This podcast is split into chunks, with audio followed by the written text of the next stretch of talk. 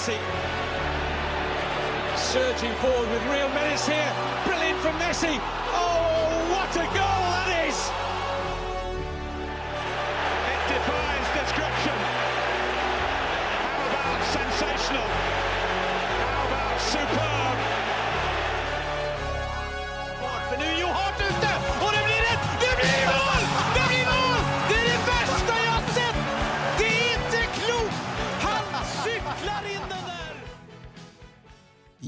Ja da!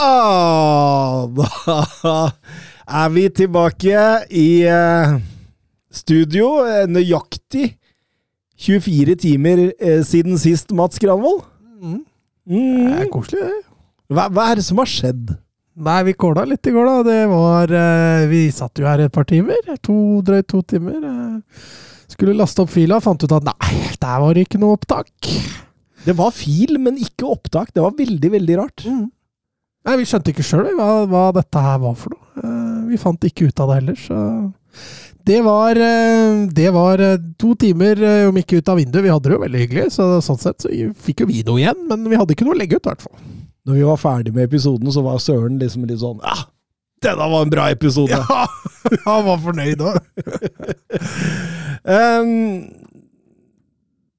Twitter was on fire, kan du si i dag. Den, Ja, Back by the man, er det noe som heter det? ja, skulle ha episode. Ja, det er jo hyggelig, det.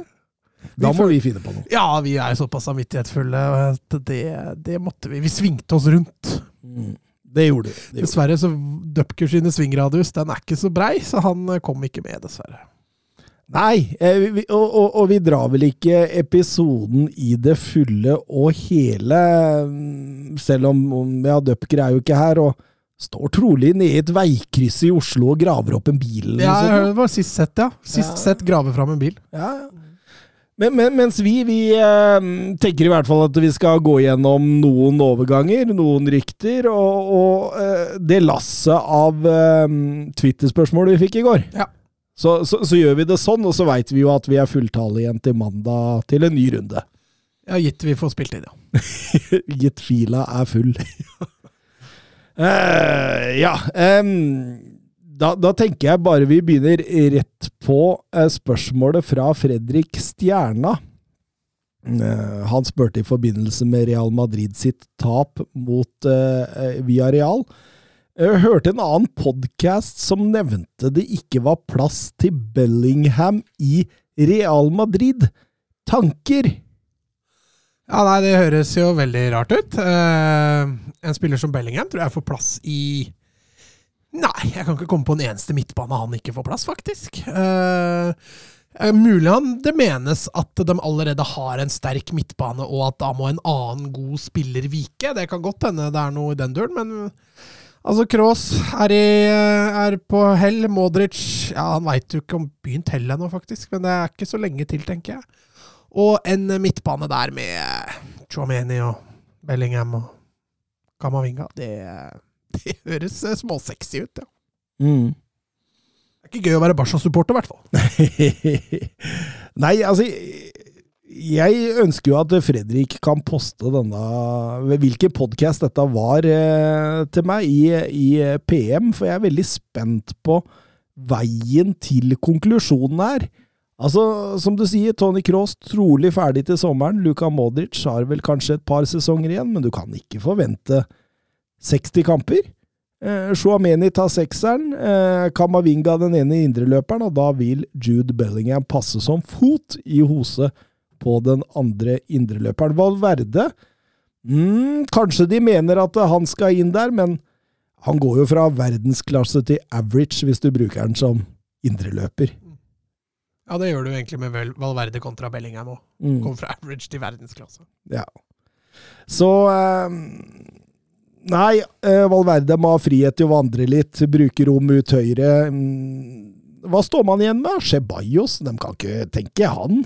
Nei, Ceballos har jo falt litt igjennom de siste to åra etter at han kom tilbake fra Arsenal. Så han tror jeg kun er tiltenkt en bredderolle, og det spørs hvor lenge han er happy med det. Men nei, jeg ser ikke Ceballos skal utfordre, utfordre noen av de. Så med andre ord da, så konkluderer vi det, det stikk motsatte, at Jude Bellingham vil være en fantastisk signering for Real Madrid. Ja, Men igjen, der kan du sette hvilken som helst klubb. Bellingham vil være en fantastisk signering for, og så kan du bare sette hvem som helst klubb. Eh, hvilke klubber er det du tror det står mellom, sånn når han går i sommer? Nei, det står mellom Liverpool City og Real Madrid, tenker jeg. Kanskje PSG kan eh, være med og surre rundt der, men eh, en av de tre tipper jeg er et veldig godt tips. Mm, mm. Ja, det blir veldig spennende å se hvor han går. Det blir dyrt, i hvert fall. Eh, Det er, kan vi konkludere med.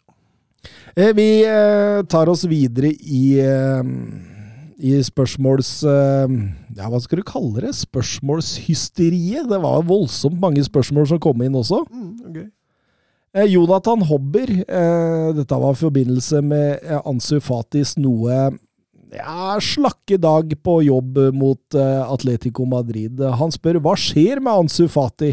Ser mer ut som en trailersjåfør enn en fotballspiller for tiden. Ja, det kan jo istemmes. Han er ikke, ikke i form. Eh, og har hatt store utfordringer med sin retur til fotballen etter eh, to alvorlige skader, og har egentlig aldri fått båten opp i plan. Eh, og, og sliter, både som spiss nå sist, men også stort sett da som venstrekant. Var jo med tatt ut i Spania-troppen, og, og, men fikk nesten ikke spille noe for Luis Henrique heller, altså. Så han, øh, han må få opp selvtilliten. Det tror jeg er pri én. Det er jo ikke noe du kan bare gjøre. Det må du jo fortjene deg til. Eh, og så veit vi jo at han har ferdighetene. Så, så han må få opp fysikken, og så må selvtilliten opp. Og så tror jeg Fati kommer tilbake igjen der vi husker han. Hvor lang tid det vil ta, det avhenger nok mest av han sjøl. Bare 20 år.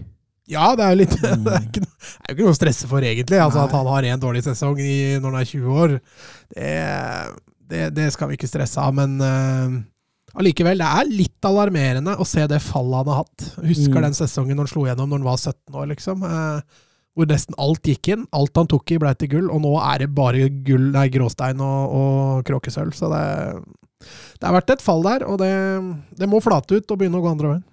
Jeg tror det var Petter Wæland som nevnte det, at uh, Ansu Fati var den første spilleren omtrent uh, Luis Henrique tok ut i den spanske landslagstroppen til VM. Eh, han fikk knapt nok spille eh, etter denne treningskampen rett i forkant, og, det kan fort ha vært fordi Luis Henrique eh, fikk se den treningskampen og fikk se den på trening og tenkte oi, her står det dårligere til enn det jeg trodde, faktisk. Mm. Her har jeg tatt med en spiller jeg nesten ikke kan bruke. Mm. Kan godt hende han fikk en litt sånn eh, Fikk en litt sånn bakoversveis. Samtidig litt rart hvis han har blitt så overraska. Altså, han har sikkert gode forhold til Chavi og har sikkert fått litt rapporter på spillerne og sett den jo i kamp, så så overraska kan jo umulig ikke ha blitt. Men allikevel, han har tatt med en spiller som han nesten ikke fikk brukt. Mm.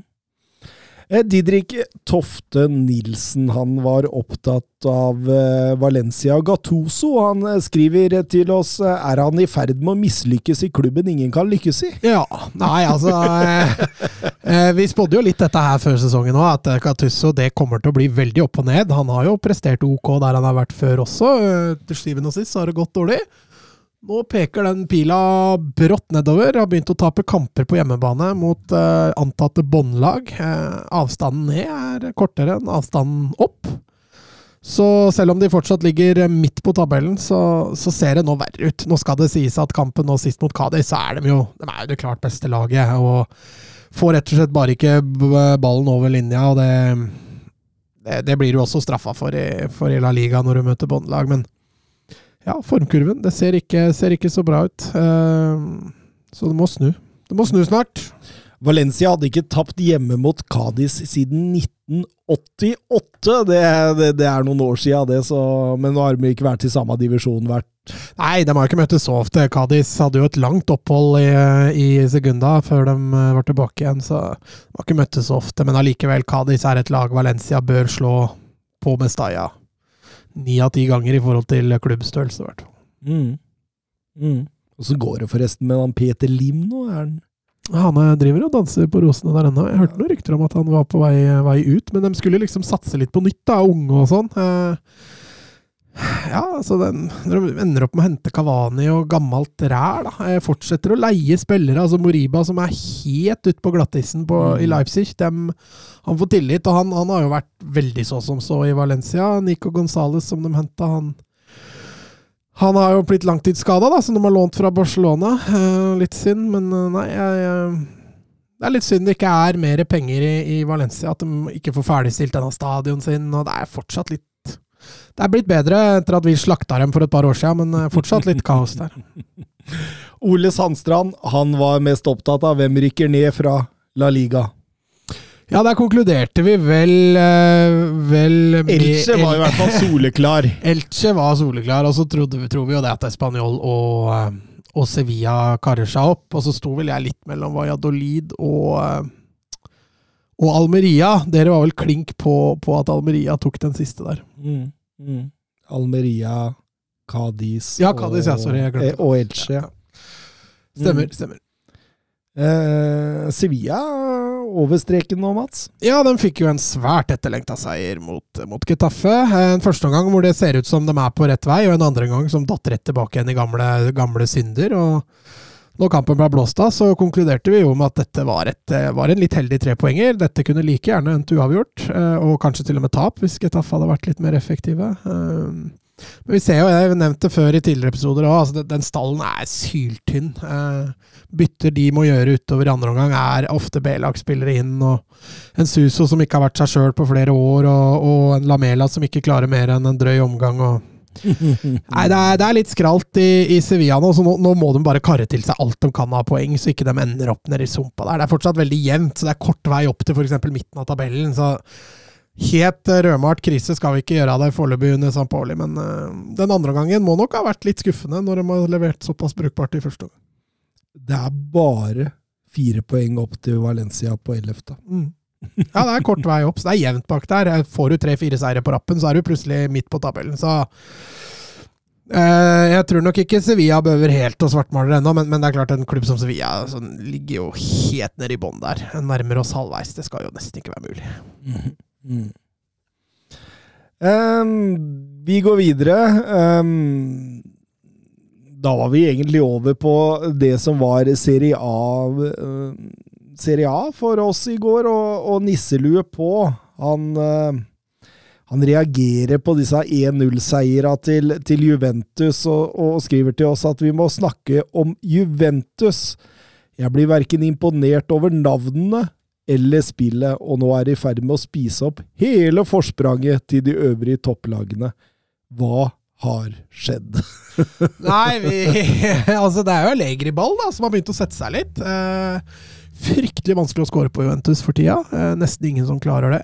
Og, og, hvis du ikke slipper inn mål, og greier å score ett, så blir det tre poeng, da. Så kan man jo diskutere om underholdningsverdien til Juventus er eh, er for dårlig. For det, en klubb med de spillere, midler etc., de, de, burde kanskje underholdt mer. Ja, de spiller på lav risiko. Eh, er ekstremt godt organisert. Det, det er jo noe Allegri alltid har kunnet.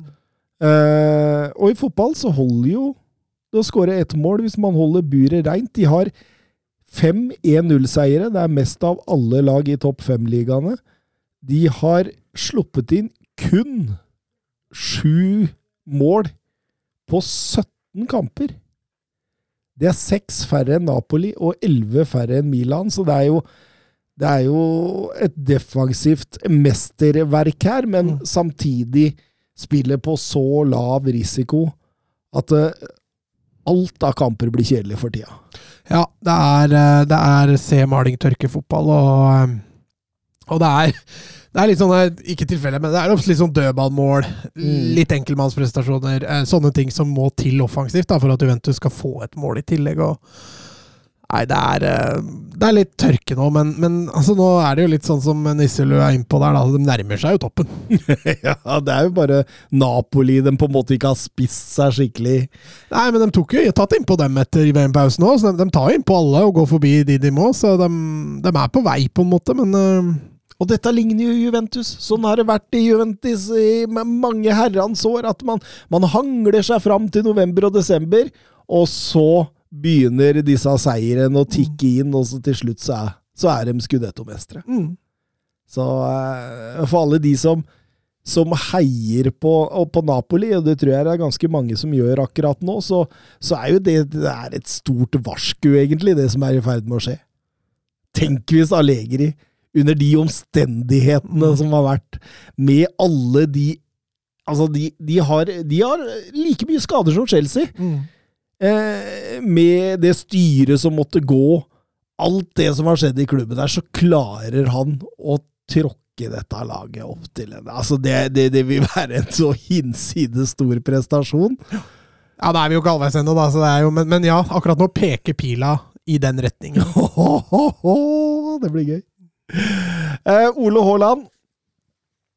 Er, Juven, nei, er Juventus Er Lukaku ferdig? Hva tror du skjer med han til sommeren? Han, eh, Lukaku han har jo ikke helt klart å sette sitt preg på Inter denne sesongen. Nei, det har han på ingen måte gjort. Nå kan vel mye skyldes en langvarig skade, som også holdt han utafor store deler av VM. Eh, formen er nok ikke derfor helt på topp, men eh, jeg, altså Litt sånn fotballromantisk, da. Han hadde jo en fantastisk sesong sist han var i Inter. Jeg tror han har lyst til å få til det utover, og, og, og, og ehm, hva skal vi si, prestasjonene hans tidligere tilsier at han kan klare å gjenskape det. Så jeg, jeg tror ikke han er ferdig. Spørsmålet er hva som skjer til sommeren, som han er innpå her. Altså, han vil jo ikke tilbake igjen til Chelsea, og, og Chelsea slipper jo ikke han gratis. Og Inter har jo ikke så mye penger, så Nei, den, eh, den, den også skal bli veldig spennende å ut, se utviklinga på, på til sommeren. Og innen sesongen er ferdig, så har han runda 30. Mm. Og har kontrakt i Chelsea til juni 2026. Så det er, altså, det, det er så vanskelig å finne sånne altså En åpenbar sånn taker utover Inter som du veit ikke har råd til. Mm. Og, og, og da blir det jo lån på lån på lån i så fall, da, og det, det, det vil jo ikke gagne noen. Nei, det er helt riktig. Og eh, ja, med unntak av noen januarvinduer, så er det ikke mange som låner spillere i Lukaku-klassen. Det er veldig, veldig sjeldent. Ja. Vi fikk et lån i, i bekrefta i dag. Vi skal Mm. ta det litt seinere, men uh, av- av det, den type lån, det, det, det er sjeldent, Ja, altså. det kommer jo litt i januarvinduet, da. Sånne desperasjonslån. Uh, typ Vegårst. Uh, eh, men ja, Joao Felix Det er kanskje han du skal prate om etterpå? Uten å Mm. røpe det, men eh, Det var han jeg tenkte Ja, ja. på. Så det hender jo det kommer sånne, men det er veldig sjelden du får de lånene i juni-juli.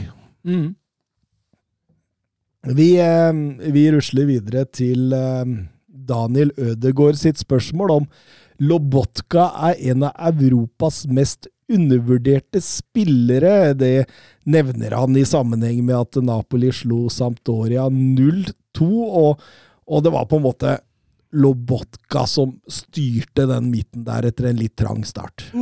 Nei, altså dette er en spiller som passer veldig godt i Napoli. Han, han var jo brukbar i Celta Vigo, men ikke noe sånn Wow, det var ingen av storklubbene som lukta noe særlig på han eh, når han dro videre. Han har eh, funnet sin plass i Napoli. Det er litt sånn spillere jeg tror jeg hadde vært veldig skeptisk til å hente hvis jeg hadde vært en storklubb. Eh, så at han bare skal bli i Napoli for å, for å øke stjernestatusen sin der, det tror, det tror jeg hadde gjort. Uh, En rollespiller, eller? ja, veldig tydelig òg. Uh, klar, klar rolle i det Napoli-laget, og, og gjør selvfølgelig den rollen utmerket. Undervurdert ja, Det er så vanskelig å svare på sånt undervurdert, fordi for meg så føler jeg ikke han er undervurdert. Samtidig så kanskje, ja, han får kanskje ikke all den kreden han, han burde fått. Nei, og så, og så, så ligger han godt på den midten av han har Zelenskyj og Angisha, noen skikkelig løpere rundt seg som Mm. gjør mye av, mye av grovjobben. Og han kan ligge og, liksom, ligge og styre tempo, diktere tempo. Det, det er han veldig, veldig god på. Eh, Ja, nei, det Ajax, Nordsjælland, eh, Celta Vigo, det, tidligere klubber det er, jo, det er jo ikke klubber man bygger seg et enormt navn på. Så det er liksom jeg er litt der som deg. Undervurdert. Hva, hva, hva ligger man i det? Nei, det er vanskelig å si, men at han er i ferd med å gjøre en, nok en strålende sesong i Napolo, det er helt sikkert. Napolo. Napolo? Napolo. Napolo. Nei, det er i hvert fall utenom hver tvil. Sitte Sittet og prate, skjønner du, i et møte ned på, ned på Li der i, i to timer nå. Så øh, det kan godt hende jeg har prata litt fra meg, så da kan det kanskje komme noen Napolor og noe øh, Juventus, sa du i stad. Valgte å ikke kommentere den før nå. men, men, men når Napolo kom, da Nå, Nå er det nok. Nå, må vi ta den, tenkte jeg. Eh, Men jeg forklarer årsaken til det, så får en bare leve med det så godt de kan. Eh, Fredrik Konradsen, eh, han eh, Ja, han er ute og, og, eh, og slakter, eller og slakter og slakter. Han, eh, han lurer på om Roma ikke er litt for forsiktig i tilnærmingen. At, at Mourinho har spillere nok da, til å, å, å kunne spille en annen type fotball. Ja, han har jo helt rett i det, for så vidt. Eh, Nå, nå er jo Mourinho helt feil trener å ha, hvis du skal ha mye offensive spillere. For han har jo sin måte å spille fotball på, og den, eh, den dyrker han. Og det, det kan man jo til viss grad forstå. Altså, det er en fotball han føler han kan til spingerspissene, og det har han jo bevist tidligere også at han, han kan, selv om kanskje den stilen er litt utdatert. Eh, hvis man tenker på kampen nå mot Milan sist, så er det klart det at det på 1-0 å gå være så defensiv til det var ja, nesten 80 minutter, og da ligger under 2-0 i tillegg, da. Så skjønner jeg jo det at eh, det er frustrerende å se på, i hvert fall hvis du er Roma-fan, tror jeg. Da tror jeg det har blitt eh, litt kranglete, faktisk. Mm. Mm. Det var liksom ikke et forsøk heller på Det var noen spede langskudd og her og der, men det var liksom Så kommer det to dødballer, og så redder de det likevel inn. Det var, eh, det var Det var elleville scener eh, på 2-2 der. Men det er jo Nei, som sagt, jeg tror Mourinho sitter hjemme og, og sov veldig godt den natta, faktisk. Jeg tror ikke han hadde noe dårlig søvn. Gustav Horndal spør oss på Twitter. Milan taper poeng. Inter taper poeng. Juventus ser ikke ut som noe gullag. Perfekt runde for Napoli. Er det noe som kan ta fra dem skudettoen denne sesongen? Ja, vi var inne på det i stad. Juventus tar fra dem den. Det, vi konkluderte vel egentlig med det. Eh, nei, altså, Napoli eh, De har vel sju poeng fortsatt, så det er eh, Man sier jo det at i snitt, da, hvis du skal ta igjen noe, så kan du ta inn i snitt ett poeng per kamp. Så å ta inn sju poeng skal ta ca. sju kamper, da. Ehm, så har du selvfølgelig alt med form og sånn inn i bildet der også, men, men Napoli har jo resultatmessig hangla litt. Kvarjotskela har jo slitt litt med skade, så han, øh, han øh, var jo blant annet ikke sikker til sin forrige kamp. Ehm, Så sånne ting kan spille Napoli et puss. Øh, Juventus, som du er innpå, dem har jo millionskader, så de, de er allerede litt på felgen. Men så lenge de grinder, så er spillestilen til Napoli såpass litt mer skjør da, enn Juventus sin at eh, det er ikke så mye som skal til før det kanskje begynner å gå litt dårlig der. Og at de Mm. får en dårlig periode, det kommer de til å få, for det har de ikke de hatt ennå. Ja. Veldig få lag som går gjennom en hel sesong uten én dårlig periode. Ah, nei Tapte mot Inter der. Syns ikke de overbeviser 11 mot 11 mot uh, Sampdoria, i hvert fall. Uh, noe bedre enn når de blir én mann mer. Uh, har, har slitt med å bli bergtatt av dem etter VM, slik jeg blei før VM, sånn foreløpig, men samtidig ah, det, det, det ligger så mye kvalitet der at jeg, jeg, jeg kan ikke jeg, jeg, jeg tror de tar det. Jeg tror det, faktisk. Men, men selv om historien sier noe annerledes, da. Men tenk så fotballromantisk, da. Om de gjør dette for Diego Maradona. Det hadde vært fantastisk. Ja, det hører hjemme, faktisk. Tror det har blitt feiringer i Ja, jeg skulle tro det blir en fest eller tre eh, i Napoli, hvis det der går gjennom, ja. unntakstilstand, vil jeg, vil jeg, vil jeg kalle det. Det er litt sånn tørke, tørke der nede på seriegull, ja. Mm. Ole Sandstrand han eh, spør hvem som rykker ned fra Serie A. Der, Ja. der, der er det jo et ganske kraftig skille. Ja, der er det jo litt større avstander enn det det f.eks. Er, i- er i La Liga. Men det er jo de tre da som ligger klart nederst nå. Altså Cremonese, Sampdoria Verona, som, som har en liten avstand opp på seks poeng opp til Spezia. Vi, det var vel du som, som mente at Verona kan ha en mulighet etter, etter trenerbyttet, og at de, de ser litt bedre ut. Ja, det, det, for Cremonese ser det veldig mørkt ut. De tapte jo også for Hellas Verona mandag kveld. Eh, noe som liksom befester deres posisjon som tabelljumbo. Eh, Sampdoria har ikke fått det til under Stankovic i det hele tatt. Så de ser litt ferdige ut, de også.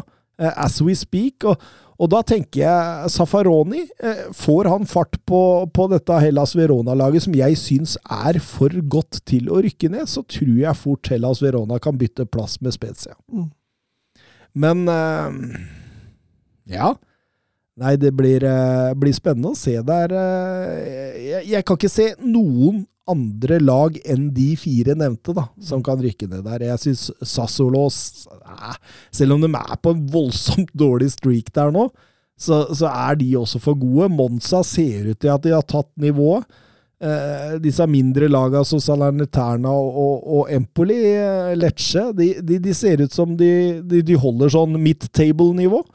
Ja, så har de allerede fått et forsprang, vet du. Så, det ja. tar tid å ta inn 10-12 poeng, ikke sant.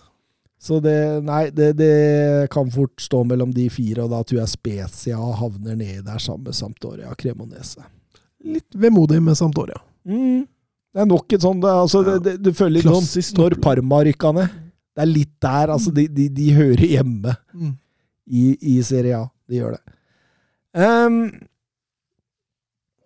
da var vi videre til eh, det som heter Europahjørnet, hvor jeg satt og fortalte at eh, Benfica hadde hatt en eh, fantastisk runde, i og med at både Porto og Sporting avga poeng.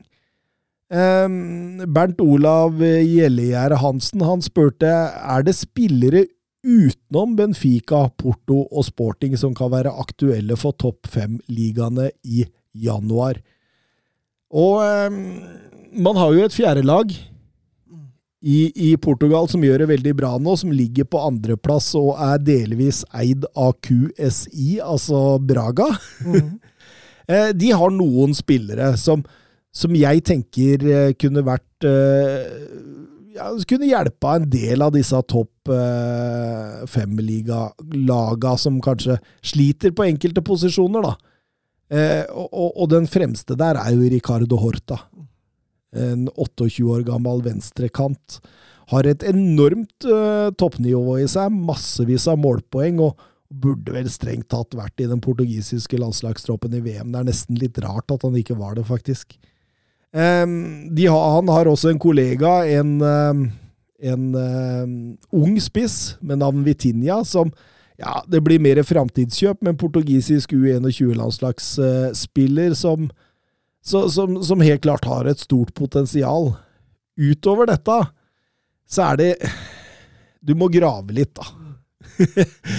du må grave litt. Vitoria, eh, som ligger på sjetteplass eh, per dags dato, de har et par eh, spennende unggutter. Eh, Ibrahima Bamba og André Ama Amaro. Eh, en midtbanespiller og en eh, stopper eh, som, som ser ganske bra ut. Jeg veit det har vært Atalanta-interesse på Bamba. Og, og Amaro har spilt seg inn i den portugisiske U21-landslagstroppen i de siste, så det ser ganske bra ut. Og så har vi en Kall det gjerne en Valencia reject fra Navarro i Gil Vicente, som ja, Han har nok bare eh, Gonzalo Ramos og Medi Terami foran seg på toppskårerlista denne sesongen. Han hadde også 16 sist sesong.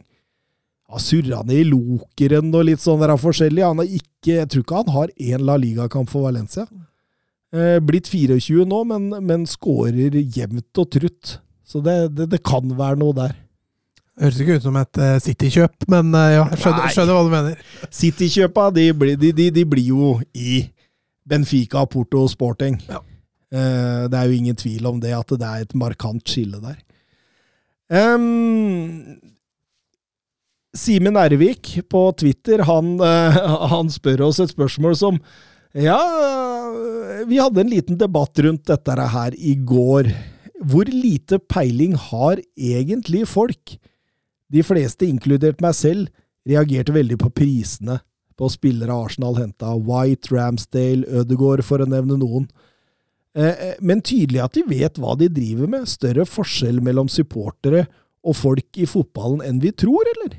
Ja, det er definitivt. Fordi eh, altså sportslig, eller sportssjefer, speidere, managere sitter jo med et helt annet eh, nettverk enn det vi dødelige gjør. Og det gjør at de, de har mye mer innsyn, både i forhold til egen, egen spillestil, men også i spillerens preferanser. Og der, derfor blir det veldig Altså, vi har jo alle våre egne preferanser, hva, hvilke typer spillere vi liker, og, og sånne ting. og det det har manager, det har klubber også, og noen ganger matcher det Veldig ofte matcher det for klubba sin del. De gjør hjemmeleksa si veldig bra. Noen ganger så glir det andre veien. Altså Arsenal har også kjøpt PP, liksom, så de, de har jo bomma litt, dem også. Men uh, som regel så treffer man. Så kan man alltid diskutere pris. Altså, er det verdt det? Altså, en Ben White var 60, var det, han, var det, det han ble kjøpt for? Uh, Martin Ødegaard ble kjøpt for 40. Uh, eh, og så er det jo alltid litt sånn prestasjon opp mot pris, og det Ben White ble vel egentlig også kjøpt som stopper, egentlig. Mm. Mm. Så her har jo Arteta vært litt kreativ. Men det har funka, det. Um, God med ball, vet du. Da, da kan det flyttes ut der, da. Ja, men han er ikke noe opplagt back. Nei, nei, nei, jeg sier ikke det. Altså, han er flink til å behandle ballen og gjøre gode valg og sånn. Mm. Det, det, er ikke det jeg mener, men ikke noe jeg tenker ikke Kyle Walker når du sier Ben, ben White. Liksom. Nei, ikke, det, ikke, det, at Kyle Walker, ikke, ikke, det at Kyle Walker er den beste høyrebekken jeg veit om, men uh, Reece James, da. Ikke noe Reece James. Nei, men, eh, men, men, eh, som vi også var inne på i går, vi er jo veldig ofte snakker vi om at vi er imponert over kunnskapen til våre lyttere og sånt. Og, og på generelt grunnlag så vil jeg jo si at gapet mellom den vanlige supporter og en klubbleder og en, og en manager er enorm. Den er, den er, jo selvfølgelig det. De jobber med dette. De, de, eh, de, har et nettverk, som du sier. De har kunnskap, de har kursing, de har masse. Men, men, men det finnes variabler. Man finner supportere og, og fotballinteresserte med meget god kunnskap, som leser mye, hører mye, kanskje tatt noen kurs osv., er ganske fremme i skoa Eh, på det aller, aller meste. Mens du har også supportere som ser tippekampen og melder i øst og vest på Twitter om det, og, og, og, og skaper seg et narrativ om at uh, de kunne omtrent tatt over Manchester City, så hadde de klart å vinne Premier League også. Du har noen av de der. Eh, på, på, samme måte, det fins også fotballag som driftes eh, svakt. Eh, både av styre og sportsdirektører osv., som ikke har peiling i det hele tatt. Altså, Peter Lim, for eksempel, er jo et godt Eh, eksempel på det Todd Boiley han virker jo nesten som Han har mye penger, da. Han har mye ressurser. Han, men, han har råd til å bomme med et par hundre millioner, faktisk. ja, han har faktisk det. Men, men, men jeg, jeg, er ikke voldsomt imponert av det han har gjort til Chelsea så langt. Nei, den første halvåret. Det, det kan godt evalueres, ja. Mm.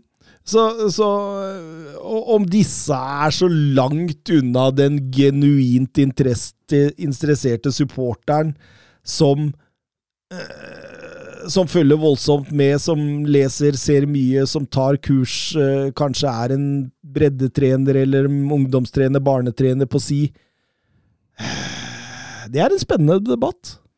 Ja, men altså, alle, alle har jo, som jeg sa i stad, en preferanse. og og, og, hva man liker og ikke liker. Eh, og så er det det å få en spiller til å passe inn i klubben som den driftes nå, da, sånn rent sportslig. og det, det er alltid en, en, en, en vanskelig greie, men, men, der viser veldig mange klubber at de er, de er veldig godt informert, de har veldig god oversikt. Spillere blir ofte kjøpt med en klar plan og en klar mening. Uh, og, og, det finnes langt flere eksempler på det, at det går bra, enn at det går dårlig. Før vi går videre nå, Mats, skal vi, skal vi sjekke om fila faktisk eh, tar opp, eller? Ja, du valgte å ta det på lufta? Ja, skal vi gjøre ja, det? Vi gjør det. Ja, vi gjør det, så er vi straks tilbake igjen. Hei! hei! Vi, vi, tok opp, Mats! Ja, det var ikke gærent. Nei, det var faktisk ganske deilig. Det har vært kjipt å sitte her igjen og prøve på tredje gang på rad. Alle gode ting er tre, sa brura. Um, hvor var vi? Vi var på nisselue på. Han spør om Chelseas overgangsstrategi. Eh, det ser ut som de bare kaster seg etter spillere som andre klubber forhandler med, og legger enda mer penger på bordet. Er Todd Boiley Er det Todd Boiley som vil vise baller? Jeg tviler på at alle som nå kommer inn, sto på Potters ønskeliste, skriver han. Ja, kjøper jo alle spillere, altså. Det er ikke så rart at ikke de alle står der. Uh, ja, la, la, oss ta en uh, Altså, Badiashil 38 millioner. Santos 12 millioner euro.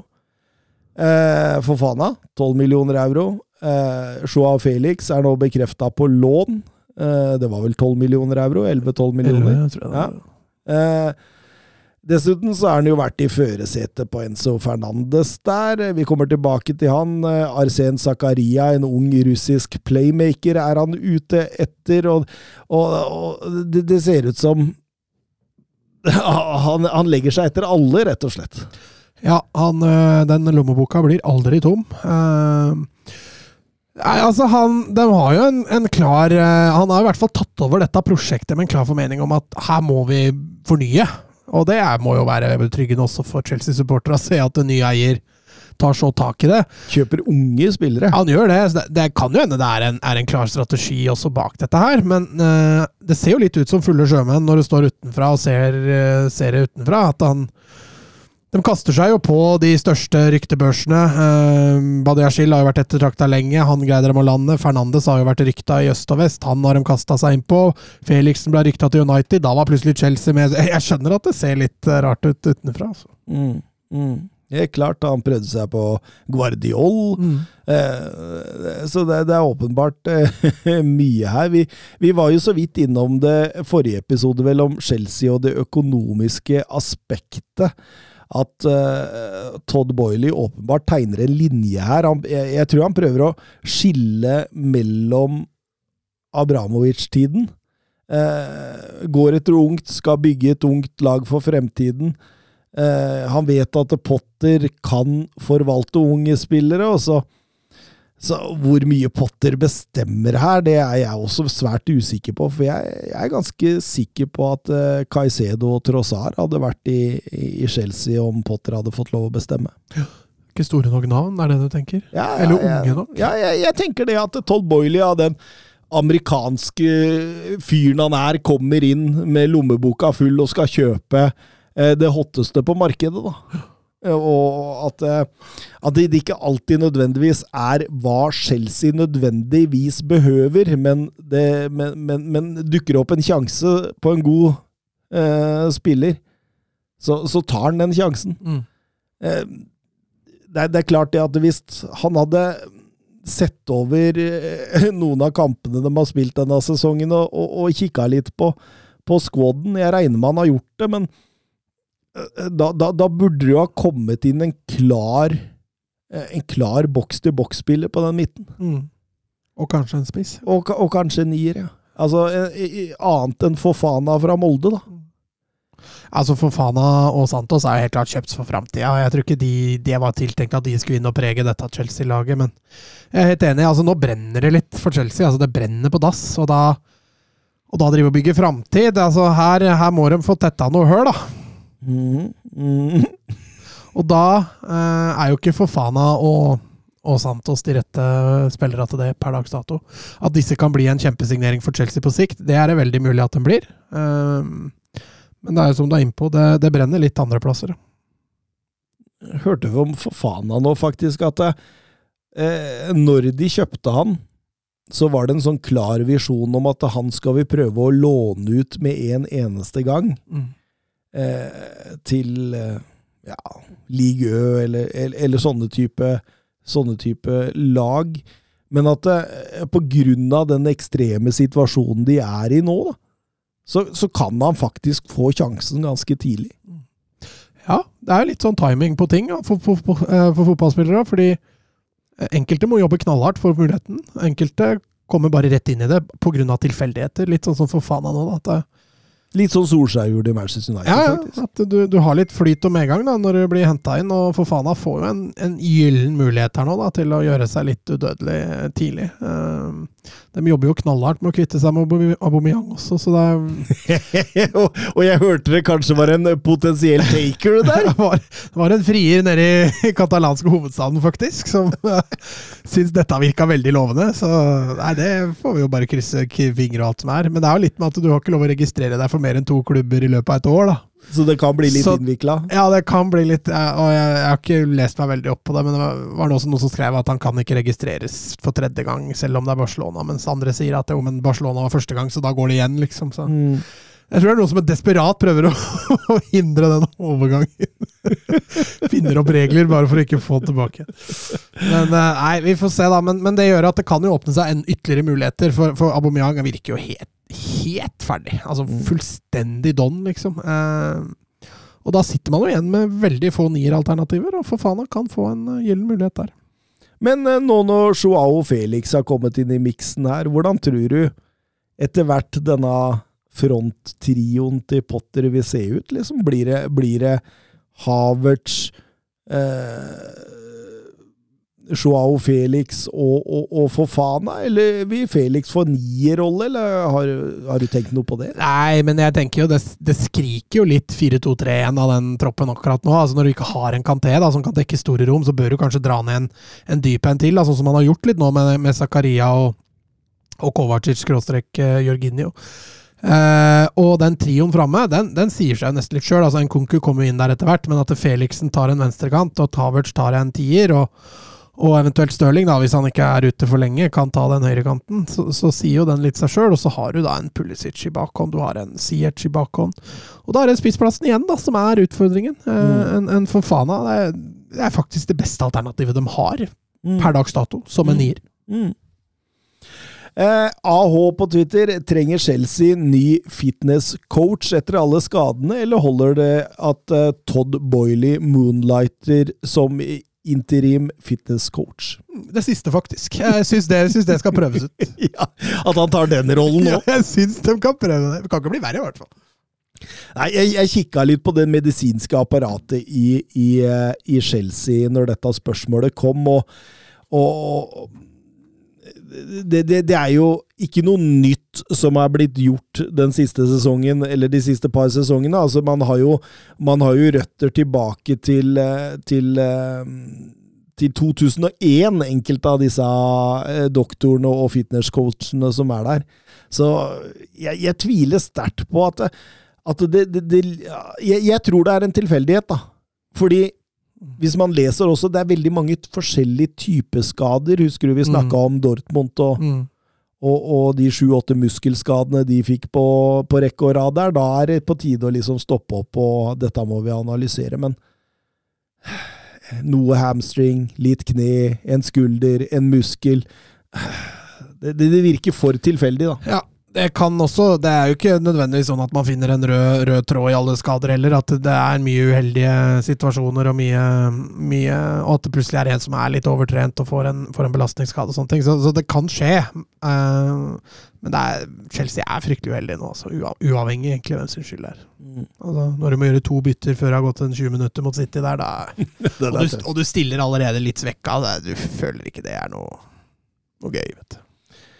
Jørgen Nystuen, tror dere Potter kan ryke i løpet av kort tid? Tror eh, Ja, jeg tror det. Det sitter en trigger-happy amerikaner der som eh, umulig kan være fornøyd med det han ser sportslig, selv om og det ser man jo han gjør det han kan. I hvert fall kjøper jo det han finner av spillere som kan forsterke dette Chelsea-laget. Eh, jeg håper i hvert fall at han får tid. Jeg har snakka og beskytta Potter lenge nå. Eh, han er, en, han er jo Dette er også en ny, ny greie for han. Har aldri vært i en så stor klubb før. Uh, og jeg er fortsatt i den mening at jeg tror han kan snu dette med litt tid. Og så er det dette med at Chelsea Skulle den bli nummer sju, da, så, så, er sannsynligheten for Europa ganske liten. Og Chelsea hører jo hjemme i Europa. Et, et år uten Chelsea i Europa er jo, er jo egentlig en skandale. Fikk jo kontrakt ut 26-27-sesongen. Det har gått fire måneder! Mm. Fire måneder med ekstreme skadeproblemer. Fire måneder med mange hull i elveren å tette, og, og, og, med en eh, arva spillestall, da. Eh, jeg hadde nesten blitt provosert om han fikk sparken, faktisk. Jeg hadde nesten blitt provosert. Altså, da mener jeg Todd Boiley. Da, da, da, da får han seg sjøl til å virke som en klovn uten kontroll. Uh, dette er jo et prosjekt du må gi litt tid. Ja, ja. Utvilsomt. Altså, han trenger et par overgangsvinduer for å få rullert litt på den uh, stallen der, som åpenbart uh, trenger en kraftig utskiftning. og så er det jo så er det jo noe Altså, Potter-fotballen den er ganske dynamisk. så jeg er også litt skuffa at han ikke har kommet bedre ut av det. og da tenker jeg ikke at han ikke har gjort det bedre på Etiad mot City og, og sånne ting. Det, det kan man jo forstå. men Han har også møtt mye average motstand. Han har Mm. prøvd å justere, han har prøvd å, å, å, å finne, finne riktig inngang til kamper, og jeg syns han har bomma litt for ofte. da, så at det, Mm. Til at kritikken mot han også er litt berettiga. Samtidig så er jeg helt enig med deg. altså Sparka han nå, det, det virker som en hodeløs, tan- eh, hodeløs avgjørelse. Mm. Vebjørn Fredheim, Carlos eh, Alcaraz skal være klar for Southampton. Fordyp meg. Eh, Dette er en eh, ung argentinsk midtbanespiller. eh, Tror han er 2002-2003-modell, eller, eller noe sånt. Noe overgangssum fra Racing Club skal ligge på rundt 13,5 millioner euro, så det er, det er en ganske betydelig sum for en unggutt som kommer direkte fra argentinsk fotball. Det sies fra Racing-systemet at de som jobba med Lautaro Martinez, de, eh, de, de har også jobba med Alcaraz, og de sier at de har på en måte samme tro på at han kommer til å slå igjennom på samme måte da, i, i Europa som Martinez, og det er jo ikke noe dårlig skussmål å ta med seg. Det tror jeg hadde tatt med meg videre. Glatt. Mm. Det virker veldig spennende. Eh, Så ja, nå er jo også, eh, nå er jo også dette en klubb som er flink til å utvikle spillere, så det Mm. er ikke sikkert det er en så dårlig match, dette. Sentral midt, boks til boks, eh, relativt målfarlig. Jeg er veldig glad i disse Lampard-løpa inn i Mm. boks, eh, så han kan nok plukke med seg en god del poeng for de som spiller eh, fancy manager. eh. Hvis han får spille, ja. Ja, og, og, og hadde vesentlig større klubber enn Southampton etter seg, både klubber i La Liga og, og Serie A. mm. Eh, Så jeg tenker at det var godt gjort av Southampton å hente en såpass ettertrakta spiller, da. Så har de jo henta også Orsic fra eh, Dynamo Zagreb, som blir en litt annen i litt andre enden, da. En eh, rutinert 30-åring som har imponert stort for Dynamo Zagreb. eh, Spesielt var det mot Bodø-Glimt. Jeg syns han var så ekstremt rå på venstresida.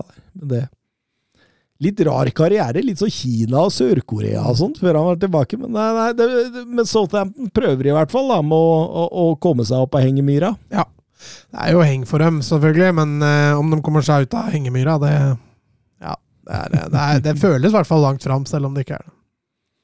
Ruslan Malinovskij klar for uh, Marseille.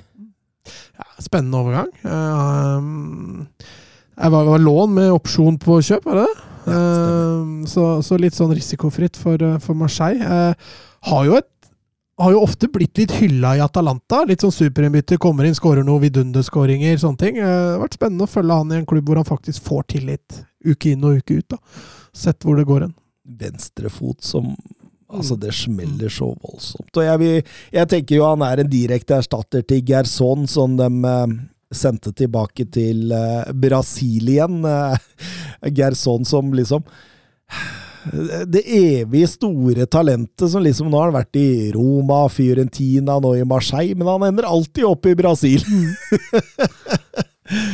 uh, ja um, Kevin Schade var en overgang Søren uh, var litt ekstra gira på i går. Ja, han snakka litt om det.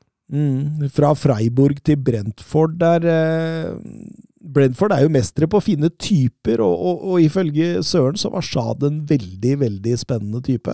Ja, Han hadde ikke fått sitt helt store gjennombrudd i Bundesliga ennå, men han mente potensialet var, var stort, og at det kunne også komme i, i Brentford. Var uh, hurtig og, og bra skuddbein, sa han. Det stemmer, det. Det er jo god attributt, det, hvis du skal være en spiss. Ja, Kjip som keeper, selvfølgelig, men eh, bra som spiss. en, en, annen, eh, en annen Søren snakka varmt om, var jo Danny Blindt. Ja, Daily Blindt, ja. Daily Blindt, ikke, Jeg har sagt Danny Blindt før, faktisk. Ja. Nei, Daily Blindt mente den var en perfekt overgang, og vi var vel for så vidt enige. Eh, risikofritt, et halvt år.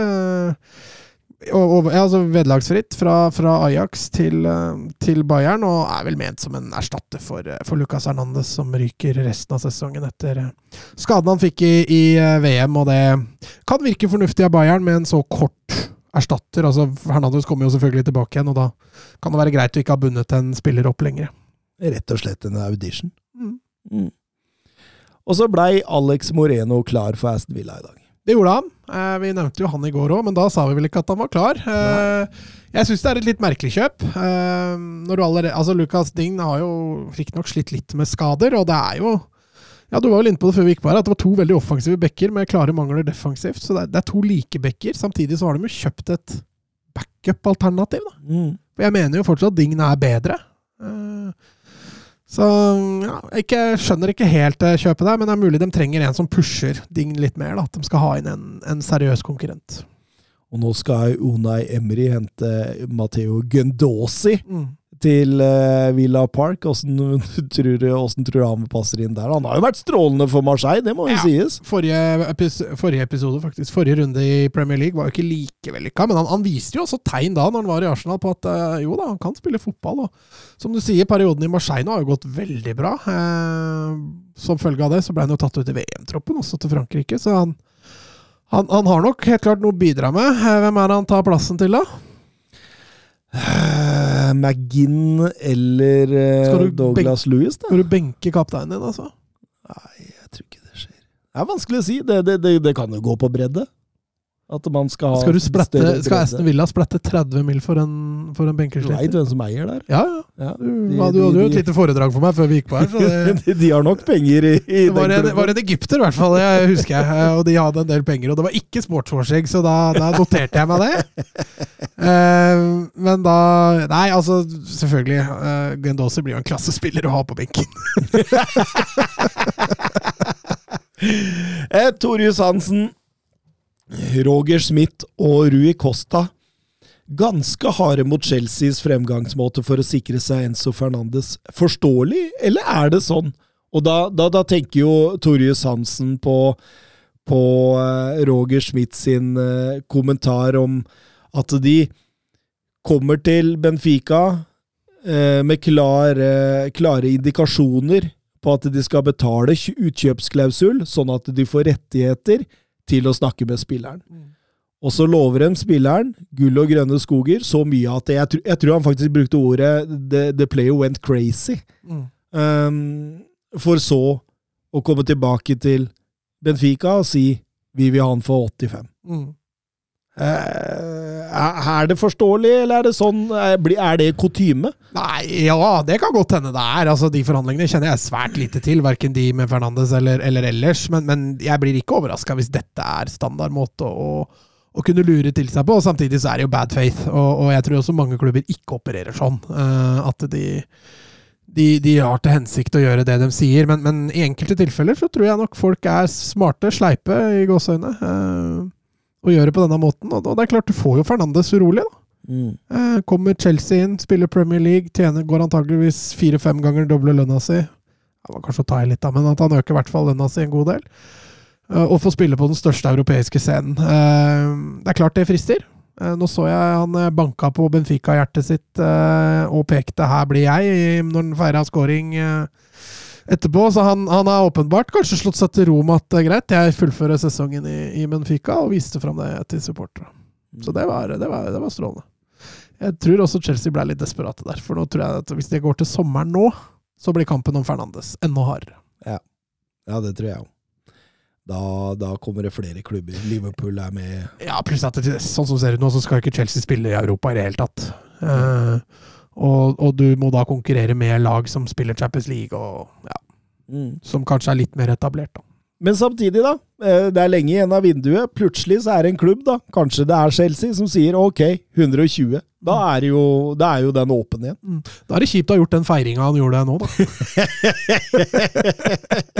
Eh, Men jeg tror alle forstår at han helst skulle vært i Chelsea.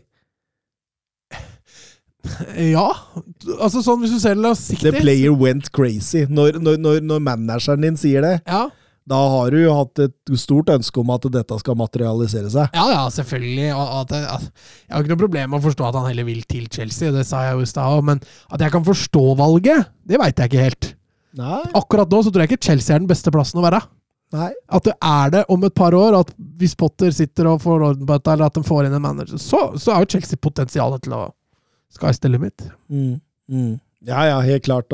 Men, men, men jeg har jo sagt, jeg har jo fulgt Enzo Fernandes eh, lenge nå, lenge før Benfica-tida, og jeg har jo sagt det idet han kom eh, inn i Benfica, ja, da, at eh, jeg håper han blir der et par år. Og så går til Real Madrid. Ja, det var vel det jeg sa.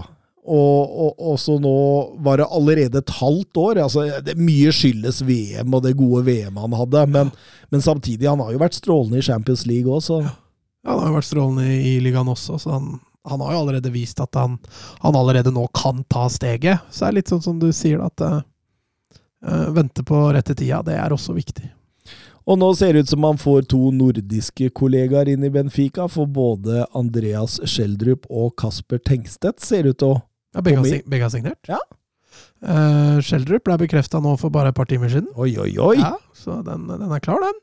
Så da har du faktisk eh, tre nordiske, eller skandinaviske, spillere i, i Benfica. Ja, Eh, fire, for du har jo Beckenba og så. Ja, selvfølgelig, ja. Som kom fra Tenker Aursnes var den tredje du tenkte på. Ja, det var riktig. Mm. Eh, men, men Schjelderup, kjempespennende. Eh, gøy å se at den At uh, han også går, han går litt Haaland-veien, hvis du skjønner hva jeg mener. Uh, går til en stor skandinavisk klubb, så går til en ganske stor europeisk klubb, og så kommer han til å ta neste steg til en gigantisk klubb igjen. da. Hvis utviklinga selvfølgelig fortsetter. Uh, men, men en fryktelig spennende spiller. Og hvis han går inn nå for spilletid i Benfica, da skal jeg jaggu høre den unnskyldninga til Ståle Solbakken for å vrake han i neste landslag. Da, da skjønner jeg ingenting. Men, men, men jeg syns jo det veldig ofte er sånn at du, du sitter og maser om spillere eh, som gjør det bra i en liten klubb, til landslaget. Og så ah, 'Hvorfor ble ikke han tatt ut? Hvorfor ble ikke han tatt ut?' Hvorfor? Og så gjør den spilleren en overgang til en relativt stor klubb, og så blir han tatt ut med en gang! Ja. Før han har spilt et minutt! Den der skjønner ikke jeg noe av, altså. Nei, men nå skal bare bremse litt av. Jeg kan hende han blir sittende på benken og spille B-lagsfotball òg, så sier, så sitter Ståle Solbakken der og hva var det jeg sa, han holder ikke. Ja, ikke sant? Så skal bremse litt, men, men altså, Nordsjælland er ikke en liten klubb. Altså, Vi snakker her en av de tre-fire største i Danmark. Han er toppskårer, eller jeg veit ikke om han er det akkurat Jo nå. da, jo da. han er det, ja. Han er toppskårer i Superligaen. Og det, altså Toppskåreren i Tippeligaen blir jo tatt med nesten automatisk. Eh, så at ikke det er båret plass til Schjelderup det før nå, eller han er ikke tatt ut ennå heller, men, men det, det, det skjønner jeg faktisk lite av. Spesielt med tanke på den formen på kantene spillere vi har nå. Kanskje Schjelderud best i litt mer sentralt, men, men han kan fint bekle en kantrolle. Mikhailo Mudrik. Ja, han er, virker noe kjent. Ja, Sjakta driver og hever denne prisen. Det er litt sånn motsatt av hva Chelsea driver med. Bad faith fra, fra eget hold, holdt jeg på å si. Tror du det kommer til å materialisere seg til slutt? Altså, Mudrik har jo sagt klart ifra at dette er en overgang han vil ha. Ehm, Chelsea, ja, Chelsea ja, er på dem igjen. Arsenal har jo strukket seg ganske langt allerede, eh, så det er åpenbart en spiller de vil ha. Så jeg tror dette materialiserer seg til slutt. Om det blir nå, eller om det blir til sommeren, det vil tiden vise. Eh, vi har vel også vært inne på at det, med tanke på Jesus-skaden, så kan man rokere litt. Det er kanskje ikke helt maks for Arsenal, men å få Mudrik inn på en kantrolle og, Martinelli eventuelt da opp i en nierrolle kan jo være en mulighet. Eh, men eh, ja, veldig spennende spiller, i hvert fall.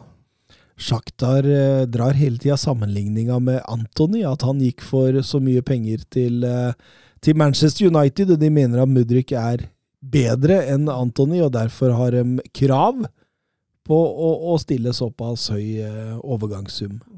Ja, de store klubbene ødelegger jo litt for seg sjøl når de holder på sånn òg, men um, jeg mener allikevel den overgangen kan fint separeres til at uh, Mudrik er ikke verdt i, i nærheten av Antony. Altså, Manchester United betalte overpris for Antony, det er ikke det, men uh, altså, dette er en spiller som både er yngre enn Antony og kommer fra en liga som er mer anerkjent, uh, og som er beviselig høyere nivå. Så jeg, jeg syns ikke helt den sammenligninga Sjaktar drar der, men det er klart de sier jo hva som helst for å få mer penger, så Mm. det er klart man forstår jo det nå. Ja da, ja da, for all del. For all del. Eh, Finn Jørgen Halvorsen spør på Twitter to nye mål av Enketia i FA-cupen i helgen. Er dere fortsatt der at, at, Arteta bør hente en nier denne måneden? Ja, er vi ikke det, da? Eh, altså, Jeg, jeg, jeg, jeg mener det, fordi Arsenal har den største sjansen til å bli Premier League-mestere på 15-20 år. Sist de vant var vel i 2003-2004, tror jeg. Eh, Og har vel i realiteten ikke hatt en sjanse siden. Eh, Eddie Nketia, det er et usikkerhetsmoment. Eh, de behøver så få usikkerhetsmoment som mulig for å kunne holde Manchester City bak seg. Du ser Nketia, han faller igjennom mot Newcastle. Selv om han gjør det bra mot Oxford og Westham, så er jo det Lag som ligger litt bakpå. som Ja, Han får, altså så jo Det målet han skårte mot Westham, var jo for all del bra, men det er jo sånn dårlig forsvarsjobb. Oxford får han jo selvfølgelig svakere motstand. Så er det som du er innpå, da, de store matcha. Det er der, han, det er der vi tror han kommer til å falle litt gjennom. da. Mm, mm. Og det, det kan koste Arsenal ligagull, og jeg tror Jeg tror liksom at de, de, de bør i hvert fall tette den, da. Så, så, så, jeg har jeg hørt Arteta, han er litt usikker sjøl også. Jeg så han var ute og, og klaga på at det var veldig ubeleilig at uh, Gabriel Jesus blei skada så lenge. Altså, han snak, han snakka om flere måneder, faktisk. Så, så veldig spennende å se om de gjør noe der. Om Modric er den som gjør at de frigir en Martinelli opp i nieren, eh, som er eh, i, i, langt på nær samme type som Gabriel Jesus, men, men som nok Han er litt mer direkte, føler jeg. Gabriel Jesus er kanskje litt mer omstendelig, men Gabriel Jesus er kanskje litt mer spektakulær, da. Eh, han har noen raid og noen, noen kreative forsøk innimellom som, som det er nesten bare han som får til, tror jeg, på Arsenal. Eh, samtidig så tror jeg faktisk det er flere mål i Martinelli i en nierrolle enn det det er i Gabriel Jesus. Altså. Ja, ja. ja, ja. Helt, uh, helt enig. Eh, når vi først er inne på Arsenal, så har Alex Bjørkan et spørsmål.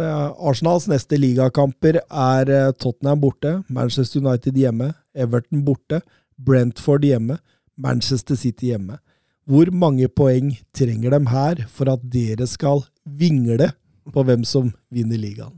Ja, Vi kommer fram til at Søren vingler uansett hva, hva, det blei, så Han dro en voldsom uh, greie her, og konkluderte med at jeg vingler uansett. Nei, altså det er utvilsomt nok en viktig periode. Vi har vært innom det før, at eh, ja, nå må det minst ses som en, som en reell medalje, eller en reell gullkandidat. Eh, og det har vi vel anerkjent dem som også. Ja, dere to, ikke jeg. Nei, du er 80-20 var det vel på City? Ja. Var vel du på ja, City? Jeg står på den. Står på den. Eh, konkluderte også med at jeg holder fortsatt City som favoritt, men at avstanden, eller de avstandene hadde ikke jeg eh, konkludert med. Men um, hvor mye poeng de skal ta på de matchene, altså eh, Tottenham borte, det kommer jo til å bli tett og jevnt uansett. At det fort blir en U der, det skal du ikke se bort ifra. Eh, Manchester United hjemme Det også kan bli hva som helst. United er i kjempeform eh, og har virkelig fått, eh, fått eh, orden på det defensive. Og hvis Casemiro og Varan spiller, så eh, ja, Da blir det tungt å skåre mål. det blir tungt å skåre mål, og uh, altså det, det, La oss si de får en åtte-ti poeng, da. Uh, det vil være bra for dem. Altså Brentford hjemme skal jo slås uansett, og da, da kommer jo denne lille tidlige gullkampen med, med Arsenal City, som blir uh, Kan bli avgjørende. Helt avgjørende. Mm. Eh, vil jo være veldig forskjellige typekamper også, fra den derre eh, Tottenham-slaget om Nord-London, hvor alt skjer uansett åssen tabellposisjonen er og formen er, på en måte, så lever de kampene helt sin egen uh, eget liv. og eh, fra lag som Everton, som garantert kommer til å parkere bussen, til Manchester City, som muligens møter dem mye høyere. Så Ja. det, det blir jo et aspekt av kamper, de fem neste her, som liksom på en måte Ok, får de 10-12 poeng her? Ja, da blir jeg ganske imponert, faktisk. Og så er det litt sånn da, det blir gøy med Arsenal-Tottenham. Arsenal som går alltid ut i 100, og Tottenham som alltid går ut i 0. Det, det skal bli lede 4-4-8-4-5-0. 8-0 eh, Og blir 8-8, for Ja. Conte, Conte gjør noe. Han gjør noe genialt i pausen der, og så snur Tottenham. Det er helt riktig. Eh, Benjamin han spør tanker om Veghorst til Manchester United. Det var det mange som spurte om. Alex Bjørkan, Geir Halvor Kleiva osv. Og vi, inkludert Søren, var veldig positive til denne eh, overgangen her. Eh, Ten Hag ønsker seg Vegårst, Vegårst ønsker seg Manchester United. Man får en bokstype man ikke har. Man får en førsteforsvarer man ikke har, og man får en presspiller som gir 110 hele veien. Mm. Ja, det er en uh, spiller de ikke har fra før. Uh, kanskje ikke en utprega goalgetter som kommer til å skåre masse mål, men de kommer til å få en, en spiller som passer inn på veldig mange andre aspekter i Ten Hag-fotballen. Uh, Søren var jo også inne på det sist, at han, han minner jo litt om Haller. Som han fikk til veldig bra når han hadde den i Ajax. Så, så at Vegård kan vise, altså, vise seg å bli ut, Jeg skal ikke si utrolig viktig, men at han kan bli en blir en viktig brikke da, eh, for at, for at uh, United skal opprettholde nå. Det, det, det tror jeg, men uh, samtidig uh, Nivået til Vegårst det har vært veldig opp og ned. Mm. Så det er litt sånn Men du får 110. Ja, og, du, du får jo og, og, og, du får en kar som sniffer i boksen og slåss og kjemper. Og, og jeg, jeg, tenker det at Hva var det, var det sniffer i boksen? Ja, Tenk, tenk på den kenguruen i Mummidalen. Nei, jo, Mummidalen. Sniff er ikke noe det heter. Han og Robbie Fowler. men, men, men altså, helt sånn Helt sånn Altså Tre millioner euro, ingen penger i havet, for å skaffe seg en ekstra måte å angripe på. Mm. Og, og, en ekstra måte å, å forsvare seg på. Eh, en som kan åpne litt rom, være med på å skaffe rom til Fernandes, til, til Rashford, til Anthony, til, til, Sancho, om han noen gang kommer igjen på beina. Altså, altså Tenk hvordan de har ødelagt Sancho! Det kom jeg på nå! Han er helt borte, han! Det eskalerte fort! Ja, men liksom Hvor stor forskjell det er på Sancho fra Dortmund til det han har vist i Manchester United. Ja, det er eh, enorm forskjell. Uh, en spiller som er blitt fullstendig ødelagt. Uh, nei, vi får jo bare håpe og krysse fingre at han Altså, det var jo en klassespiller, så vi får bare håpe han Det var jo en av de tingene som gjorde at jeg gleda meg mest til å se Dortmund. Mm. Det, var bare, det var Sancho det holdt, liksom. Hvordan han herja. Nå, I Manchester United, altså fra dag én, så har han sett ut som han ikke kan drible. altså.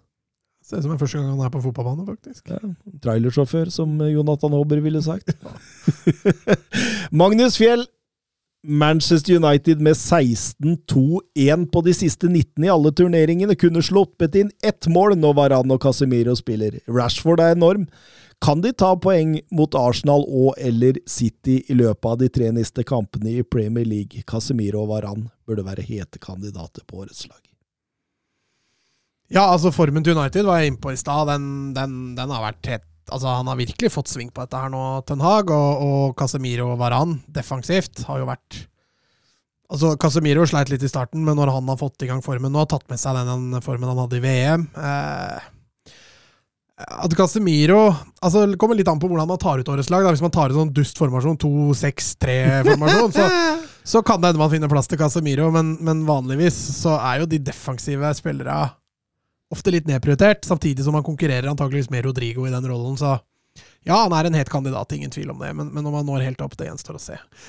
Varan er jo klasse, men han er jo glass, da. Han knuser jo lett som bare det. Så når kamp, eh, kampprogrammet begynner å bli tett der, så, så, kan de ikke bruke han i alle kamper. Så. Det er en grunn til at United sa nei til Atletico Madrid på Ente Lindeløv. Ja, de, og de er livredde for å bruke Maguire for ofte òg, så de, de de er nødt til å holde på det. De trekker heller inn Luke Shaw enn å bruke Maguire, og det kan man jo forstå. Shaw har gjort det greit. Og det er klart, veldig mange fremstår bra ved siden av hverandre, for han rydder mm, opp i så mm. mye.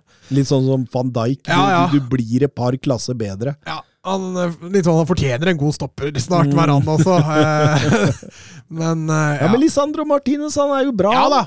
Så, så det venter jo litt på han fra VM-pausen, VM så han få inn Martinez der, det kan jo bli, kan jo bli klasse, hvis de to finner, uh, finner partnerskapet. Uh, det skal bli spennende å se når de nå møter, uh, møter vel Arsenal og City på løpende bånd her, så det skal bli, bli artige matcher.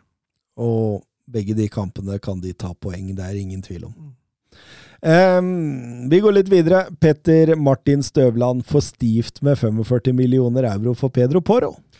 Tja, altså det er jo um, Når de det er jo hovedprioriteten ja, til Tottenham. Det er litt det jeg skulle fram til, og derfor tenker jeg at eh, en høyre wingback det er kanskje, kanskje der det brenner mest.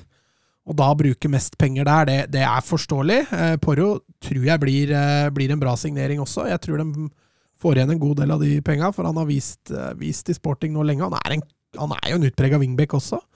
Han har litt erfaring med at han har vært i City, så han har vært i England før. så eh, At han er en veldig god signering for Tottenham, eller hvis han kommer, er en veldig god signering for Tottenham, det er jo tvilsomt. At 45 millioner er litt mye for en høyre wingback, det er det jo. Men eh, Ja, det, det, det ligger jo på sånn. Kyle Walker-nivå, da. Mm. Sånn når Kyle Walker gikk til Manchester City fra Tottenham.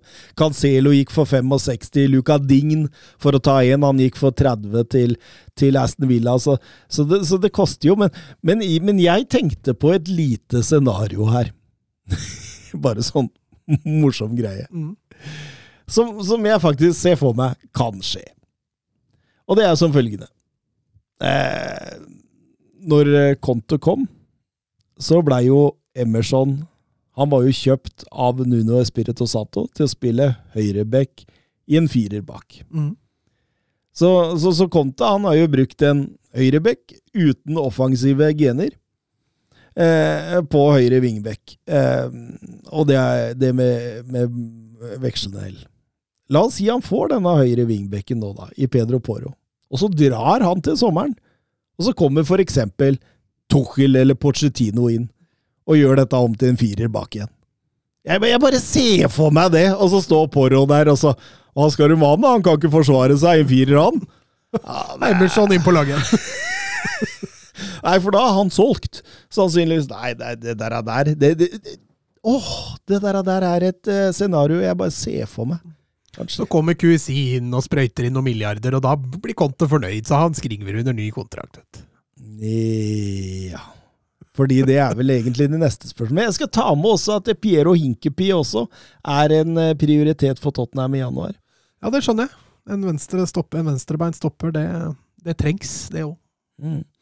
Petter Martin Støvland han hadde jo også et spørsmål vedrørende ryktene rundt QSI og Tottenham, og spurte meg hva jeg tenkte om det. Og hva skal man si?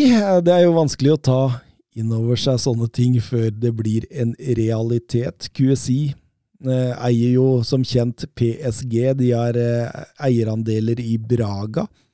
Eh, Etter hva ryktene sier, så hadde de et møte, eller denne Kalifi hadde et møte med eh, Levi i London i eh, forrige uke. Agendaen før møtet var å ta over 25-30% av aksjene i klubben. Eh, og, og hvis dette går gjennom da, altså, så skjønner man jo at dette bare er det, det, det, er jo bare tid før denne prosenten vil bli større. Mm. Sannsynligvis. Og, og i og med at Enik har tenkt på et salg lenge, Enik som eier Tottenham, man eh, vet jo i det sekundet Newcastle blei kjøpt opp, så blei Daniel Levis realistiske visjon om at Tottenham skulle bli en fast eh, Champions League-deltaker, sånn enda fjernere. Du fikk enda en konkurrent oppi der. Eh, og det har gjort Daniel Levi rasende. Eh, Enik også kjenner litt på dette her. og De har en fantastisk stadion, de har en flott treningsanlegg, de ligger i London, de er i toppen av Premier League med en stor fanbase. Dette er jo drømmen for QSI å ta over. Mye bedre enn hvordan det var eh, med, med PSG i sin tid. og og I tillegg så får en klubb da, som er sultefora på sølvtøy. Altså, Jeg tror ikke du finner noe bedre klubb de siste 10-15 årene i Europa som ikke har vunnet noe annet enn Audi Cup. Det er bra, da. Audi Cup er bra. Ja, ja, ja. Men, men, men altså og, og, og dette er jo i tillegg til det parameteret om å få med seg fanbasen. da. Man ser jo resultatet i Newcastle, ikke sant? Det så, og så var jo en, en sultefòra gjeng. Eh, nå kler halve stadion seg som sjeiker. Ingen protesterer når de går med, med, med saudiarabiske farger på draktene, og, og folk snakker varmt om overtagelsen her. Og hvorfor? Du hadde ikke fått lik respons i Liverpool, du hadde ikke fått lik respons i, i Manchester United, fordi de er vant til å vinne. Her går man på sultefòra klubber eh, som er store nok til å kunne eh, kjempe i toppen på ganske kort tid. og Alt i alt så tror jeg Tottenham er perfekt for QSI. Jeg tror QSI er perfekt for Tottenham. Og så kommer det moralske aspektet her for folk som, som har tankene litt lenger eh, ut enn kun innafor de fire, fire cornerflaggene. Og det er klart, noen runder må man gå, så får man heller ta standpunkter når, når den tid kommer, tenker jeg. Ja, nei, altså Man velger jo ikke klubb. Det er ikke bare å skru av en bryter, så heier man ikke lenger på den klubben. Så for en fan så er det jo valgets kval eh, når, når, noe sånt kan skje, eller når noe sånt skjer. og jeg, jeg kjenner jo bare litt meg sjøl, liksom, når Basha begynte med dette Qatar-samarbeid. Og, og, og, det er jo ikke noe gøy, og du mister litt interesse av det. Og det nei, jeg, jeg syns det er litt trist. Oskar Carveio Holm er Leao og Guardiol ute av markedet for denne gang? Eh, ja, kan vi si det sånn. Eh, Guardiol er nok tilbake igjen på markedet allerede i sommer, så det er ikke nok så lenge. og Det kan være Leao her òg, men der er det vel noen rykter på at han kanskje forlenger. Så nei, vi får se. Leao og Guardiol er i hvert fall to spillere i noenlunde samme generasjon som har et stort potensial, og som har imponert både i klubblag og på landslaget. Mm. André Solberg vil eh, Mokoko passe i Premier League, og så legger han ved et eh, Mokoko-rykte til Newcastle der. Og jeg leste senest i dag at eh, Dortmund er svært usikre på om at han kommer til å skrive under på ny kontrakt. Dette kan gå alle veier, sier dem sjøl utad.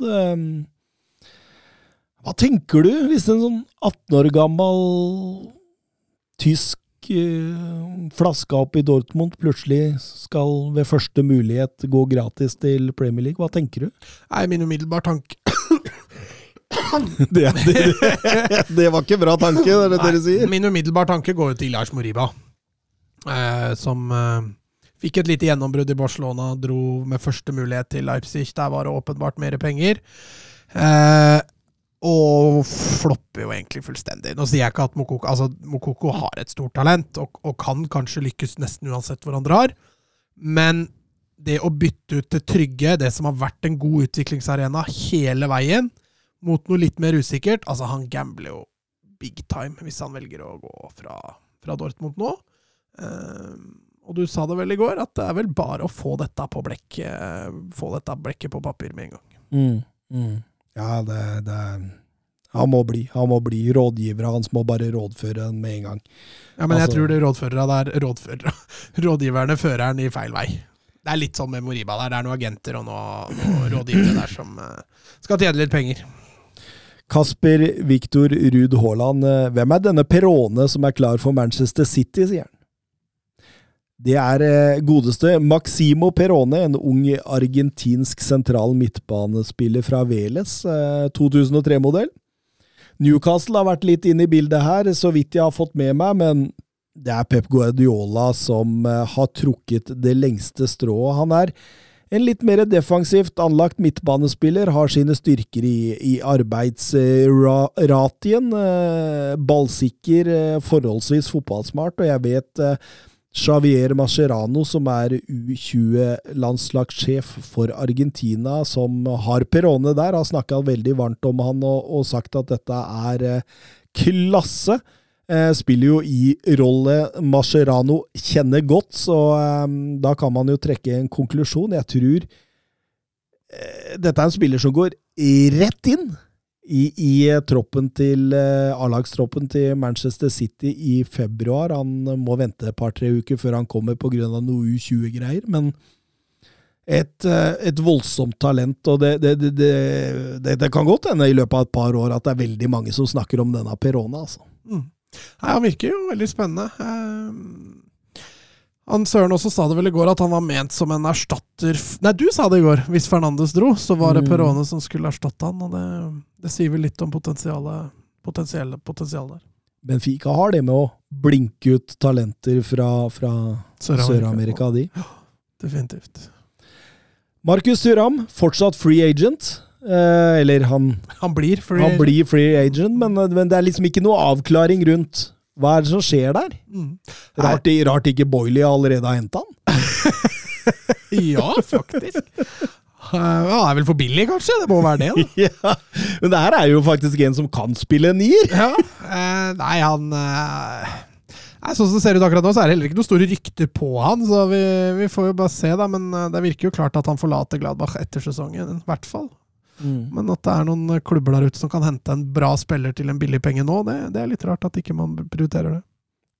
Søren nevnte tre store navn i, i, i Gladbach som ser ut som går kontrakta ut til sommeren, i Jan Sommer, Benzebaini og, og, og Tyram.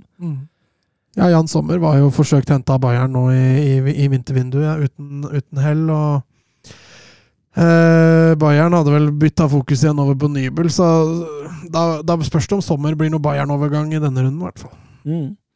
Jørgen Knutsen, nøyaktig ti dager til Bundesliga, sparker i gang igjen med RB Leipzig mot eh, Bayern. Kanskje litt tidlig, men hvilke klubber mener dere har benyttet vinduspausen Vinduspausen?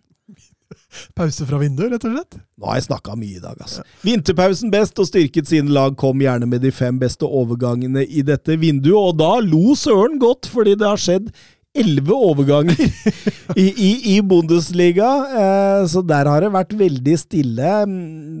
Dette var jo for så vidt Søren sitt spørsmål, eh, men jeg veit han hadde eh, Daily Blindt på førsteplass. Det syns jeg husker. Ja, Han hadde Max Kruse inne der òg, husker jeg. Ja, at den ble kvitt det, det, det ja. var en av de beste overgangene. Ja. Eh, jeg tror han hadde Kasper Dolberg der inne, og så hadde han Paxton Aronsen, mm. som uh, går til Frankfurt, yngre bror av Brendan Aronsen der, som, som han snakka litt om. Men jeg husker ikke hele lista. Men, uh, men, men det, det, gjør ikke noe, Jørgen, fordi det, det var elleve signeringer der, og det, det har ikke skjedd det helt store. Kim Jansen, hvilket lag imponerer panelet mest i, i, Premier League i år? Lett å slenge ut uh, lag som Arsenal og Newcastle, men Fulham og Brentford leverer ellevilt basert på ressurser og forventninger. Og hva er panelets favorittstadion i Premier League? Thomas har ikke stemmerett. det blir monolog, det her, da. Det blir monolog. Nei, altså eh, Feteste stadion eh, Jeg sa i går at eh, St. James' er vel en stadion som både har bra stemning og ser veldig bra ut. Vitality også på Odd Brentford, som er så liten og intim, men allikevel blir Det blir høy desibel-nivå der, da. Søren nevnte vel Craven Cottage som kanskje den koseligste stadion. Som han hadde vært på. Han hadde vært på. Satt rett under hytta der, han var så fornøyd! så, så, får vi en hatt stemme der òg. Altså, overprestert. Vi konkluderte vel med at Fullham burde nevnes der. Eh, gjort det meget, meget bra. Eh, Sjuendeplass, A-poeng med Liverpool. Ja, det bør jo absolutt nevnes. Og så er det jo litt sånn som Kim er innpå der. Brentford har jo hatt en, hatt en bra sesong og Jeg tror vi rykka de ned mm, i, i ligatipset Det er tredje nederst. Ja. Vi hadde Forrest rett over streken. Ja. Men ingen av oss, jeg tror vi verken hadde Everton, Wolves eller Southampton der, så vi, vi ligger, foreløpig litt dårlig an. Ikke Southampton? Hadde vi ah, er litt. Nei, vi hadde to nyopprykka lag pluss Brentford. Så både Fulham, da, som vi hadde vel nest nederst, kanskje, eh, og Bournemouth, som vi hadde vel helt nederst, tror jeg, så, så kan vi vel si Nå gjør du oss dum! Ja, Nå gjør oss jævlig dum, Mats! Hold kjeft. Men jeg blei utfordra på hvilken stadion jeg likte best. Siden, altså, jeg har jo vært mye over i England, sett mange kamper i England på mange stadioner. Og, og, og, dere spurte jo meg da, ja, men hvis du tar bort eh, Tottenham Hotspur Stadium eller White Hart Lane, da Åssen stadion Og dere fikk begge sjokk når jeg sa Old Trafford. Nei, ikke sjokk. altså Ja, det ble litt over. Du har jo et sånt indre Man United-hat, eh, overraskende nok. Eh, selv om det ikke er noe Så at du turte å, å, nevne Old Trafford i positiv, det var litt overraskende. Men, eh, indre United-hat? Ja, du, du, ranter om United støtt og stadig. Ja, men, men, du er jo enig? Jeg er ganske positivt om det Ten Hag og dere driver med nå? Nei, nå holder du kjeft nå, vet du. Det er det som er forskjellen. men, men Old Trafford, jeg var på, der på en fantastisk kamp mot Chelsea. Det var så god god stemning at den Nei, den, den den fortjener å stå litt uh, oppi der. Um, AH på Twitter. Marokkansk seriegull. Afrikansk Champions League. VM-semifinale etter noen få kamper i jobben. Hvor ville dere plassert Walid Regragui i forhold til årets trener i 2022? Og som bonus så fikk han også Luis Henrique, Santos og Martinez sparka. Og dette er jo denne mm, defensive mesterhjernen fra Marokko som eh, som eh, Ja, han vant vel uh, the double der, uh, med Vydad fra Casablanca, og, og tok uh, Marokko til en semifinale. Er nominert til Fifa årets trener sammen med Deschamps, Scaloni og Dalic fra Kroatia. Hvor tror du han ender opp? En, eh, jeg tror han ender opp nummer to. Mm. Eh, Scaloni tror jeg nok eh, fikser den biffen. Som VM-vinner så har man jo en tendens til å til å nå lengst. Uh, Deschamps uh, er vel litt tett kamp der, men, men, jeg tror han havner bak. For Frankrike var vel kanskje den største favoritten. Uh, og så Dalic sist. Men hvor stor prestasjon Altså, den sammenligninga med å vinne Champions League i Afrika og, og seriegull i, i Marokko, altså den sammenligningen er vanskelig. Mm. jeg kjenner så Mm. lite til nivået nivået der. Men, men, den prestasjonen de har hatt i VM, har jo vært enorm. Og han er godt likt av spillere. Han, han innførte jo også mye familietid for spillere underveis i mesterskapet. Så han, han har jo vært litt Skal vi si Litt, nysk, ny, litt uh, Ikke nyskapende, det blir feil å si, men at han tenker litt nytt også. Det, det har vist seg å fungere. Uh, så at prestasjonen hans med Marokko er helt der oppe, det er det ingen tvil om. Uh, første laget fra Afrika som når en semifinale i et VM. det det fortjener en hyllest. Var vel så sterke reaksjoner når han skulle ta over Marokko i hjemlandet at mange, for, på grunn av mange mente han var altfor defensivt anlagt. Han gikk faktisk under kallenavnet Advokadohue i, i forkant, men nå er det vel kanskje Gullhode nå, da? Ja, det er pipa snur jo fort da, etter veien vinden blåser, men uh, det er litt sånn spille det man har. Mm. Uh, skal du spille gullfotball med Sajic og Nei, med Sijic og og El Nesiri, så, så, kan det bli litt traust, altså. Vi trakk vel litt paralleller med det som skjedde med Hellas i 2004, ja, gjorde vi ikke det? Men der også var vi enige om at de hadde litt mer å spille på offensivt enn enn det Hellas hadde, og det, det har de jo. Det er, det er, noen stjerner der som, som holder et uh, høyt nivå. Bekkene til Marokko med, med Hakimi og, og Masroai, det det det er ganske høyt nivå på dem. Altså. Ja, ja. Saiz leverte bra baki ja, der. Så lenge han var skadefri. Uh, denne nye Onani, Onai, er det ikke? Onanere! Nei, jeg sa ikke onanere! Det sa jeg ikke! Jeg hørte sånn. Jeg, jeg, jeg, var på vei til å si onana. Ok. Onaner. Syns jeg du stoppa på. Å, nå, nå, må du skaffe deg Tinder, ass, Mats. Det der her holder ikke lenger. Det er humor, da. Ja, det er morsomt. Jeg koser meg. Søren hadde sittet og rista på Ja, nei, han hadde gått hjem antakeligvis. Men, men med, med bra lag, eh, Siertz eh, Ja, ikke minst han rabatt. Å, herregud, for et mesterskap Ja. For Ja, mesterskap. strålende. strålende. Så nei, nei, det er mye bra. Enesiri hadde jo et ok mesterskap, han òg, selv om han har slitt voldsomt med formen i Sevilla. Sevilla, altså. Kan være på vei til Westham nå, Enesiri. Ja, det høres ut som et Westham-kjøp, faktisk. Ja, ja. En spiss som ikke funker. Ja, det er vel derfor de har den da Nier-cursen sin. Um, Bjørn Erik Skorge, hva tenker dere om Roberto Martinez som ny portugisisk landslagssjef? Ja, jeg syns det var litt rart om ikke har greid å lande Mourinho. Jeg følte kanskje dette var tida for at han skulle få, få prøve. Eh, Martinez har allerede ødelagt en gyllen generasjon, så Mm. hvorfor ikke gå løs på neste? Eh, jeg syns det er en rar ansettelse, for han, han, han har ikke vist noe i Belgia som tilsier at han fortjener et nytt, stort landslag. Eh, så jeg synes jo, men, men det er klart potensialet til Portugal er så stort da, at selv en svak landslagstrener kan gjøre det bra. Det er litt sånn som han har gjort det med Belgia, egentlig. Ja. Han har jo ikke gjort det bra, men siden de er så gode, så har det allikevel blitt bra. da, Eller ok. Og der føler jeg man er litt med Portugal. Jeg, jeg ser ikke for meg at han skal tippe dem over til å ta en uh, Ta en, uh, en tittel som uh, er noe annet enn Nations League. Uh, men vi får jo se, da. han skulle prate med Ronaldo, så jeg. Så får de lurt med han, så går jo dette dårlig ganske fort, tror jeg. Kveldens siste spørsmål.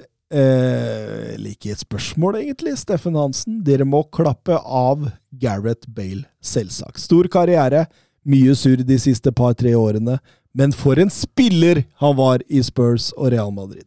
Eh.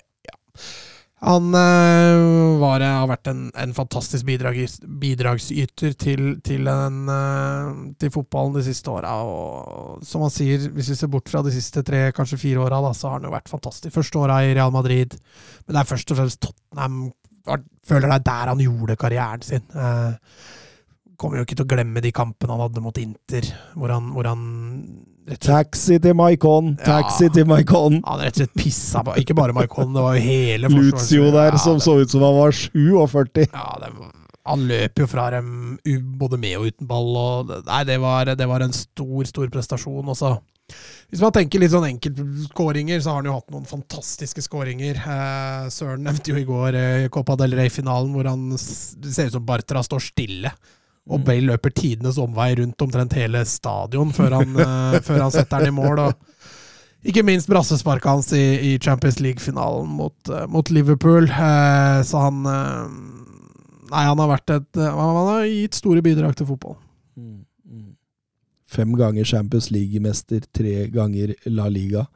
En bøtte med diverse andre cuper, tre ganger årets lag i Premier League, årets spiller i Premier League to år. En ny bøtte med individuelle priser fra England og, og den spilleren med flest landskamper gjennom tidene for Wales. Det, det er jo faktisk en av de største på, i nyere tid. Definitivt. Mange, mange trofeer ble det i Tottenham, sa du? Mm, Vi går videre. Du sa, Var det ikke Audi Cup? Var det ikke Audi Cup der? Jeg synes, hørte ikke Audi Cup. Denne Audi-cupen det er det dummeste de har vunnet. Men det var med ganske bra motstand òg, var det ikke Inter og Real Madrid da? Det er det dummeste de skulle bare lagt seg i den finalen. Hadde de visst hvordan framtida blei. Nei, dette går vi ikke med på. Jeg har sett liksom Harry Kane før 2015 eller noe sånt, og så er det liksom Premier League 0. Champions League 0, bla, bla, 0. Og Harry Kane etter 2015! Alt var fortsatt 0, men Audi Cup 1. Det er helt nydelig, altså. Men det er, jo, det, er, det er jo litt sånn flatterende, fordi altså, en sånn karriere som Harry Kane er i ferd med å, å, å, å, ehm, utføre Han fortjener jo å vinne noe. Ja, han gjør det spørs om han får til hvis han velger å bli der han er. For det, akkurat nå så virker det veldig langt fram til en stor tittel. Altså. QSI, det veit du hva dere må gjøre! Vi tar noen blodpenger inn i Tottenham for å få til dette her. Da håper jeg faktisk vi i hvert fall ga et solid plaster på såret for våre lyttere. Den fikk i hvert fall noe fjas å høre på. Ja. Nei, Det var jo koselig. Gå gjennom dette en gang til. Eh, vi satt i går og tenkte skal vi spille inn en gang til. Nei, det skal vi ikke. Det blei for seint. Det, det, det var så bra i går, da. Mm. Eh, men, men samtidig, man får jo tatt opp noen av hovedpoengene våre i, i dag også. og Man får eh, i hvert fall levert ut noe, da. Mm. Så, så det blei vel ja, halvannen time. Så det, der ser du hvor lang tid disse lyttespørsmåla tar. Mm. Ja, men nå fikk, vi, man- nå fikk vi enda bedre tid, da. Ja, ja, ja. Så vi, vi gønna litt mer på, på Ja. noen av tinga der, men Ja. eh, vi sier bare vi høres på mandag. Yes. God Ha det, ha det.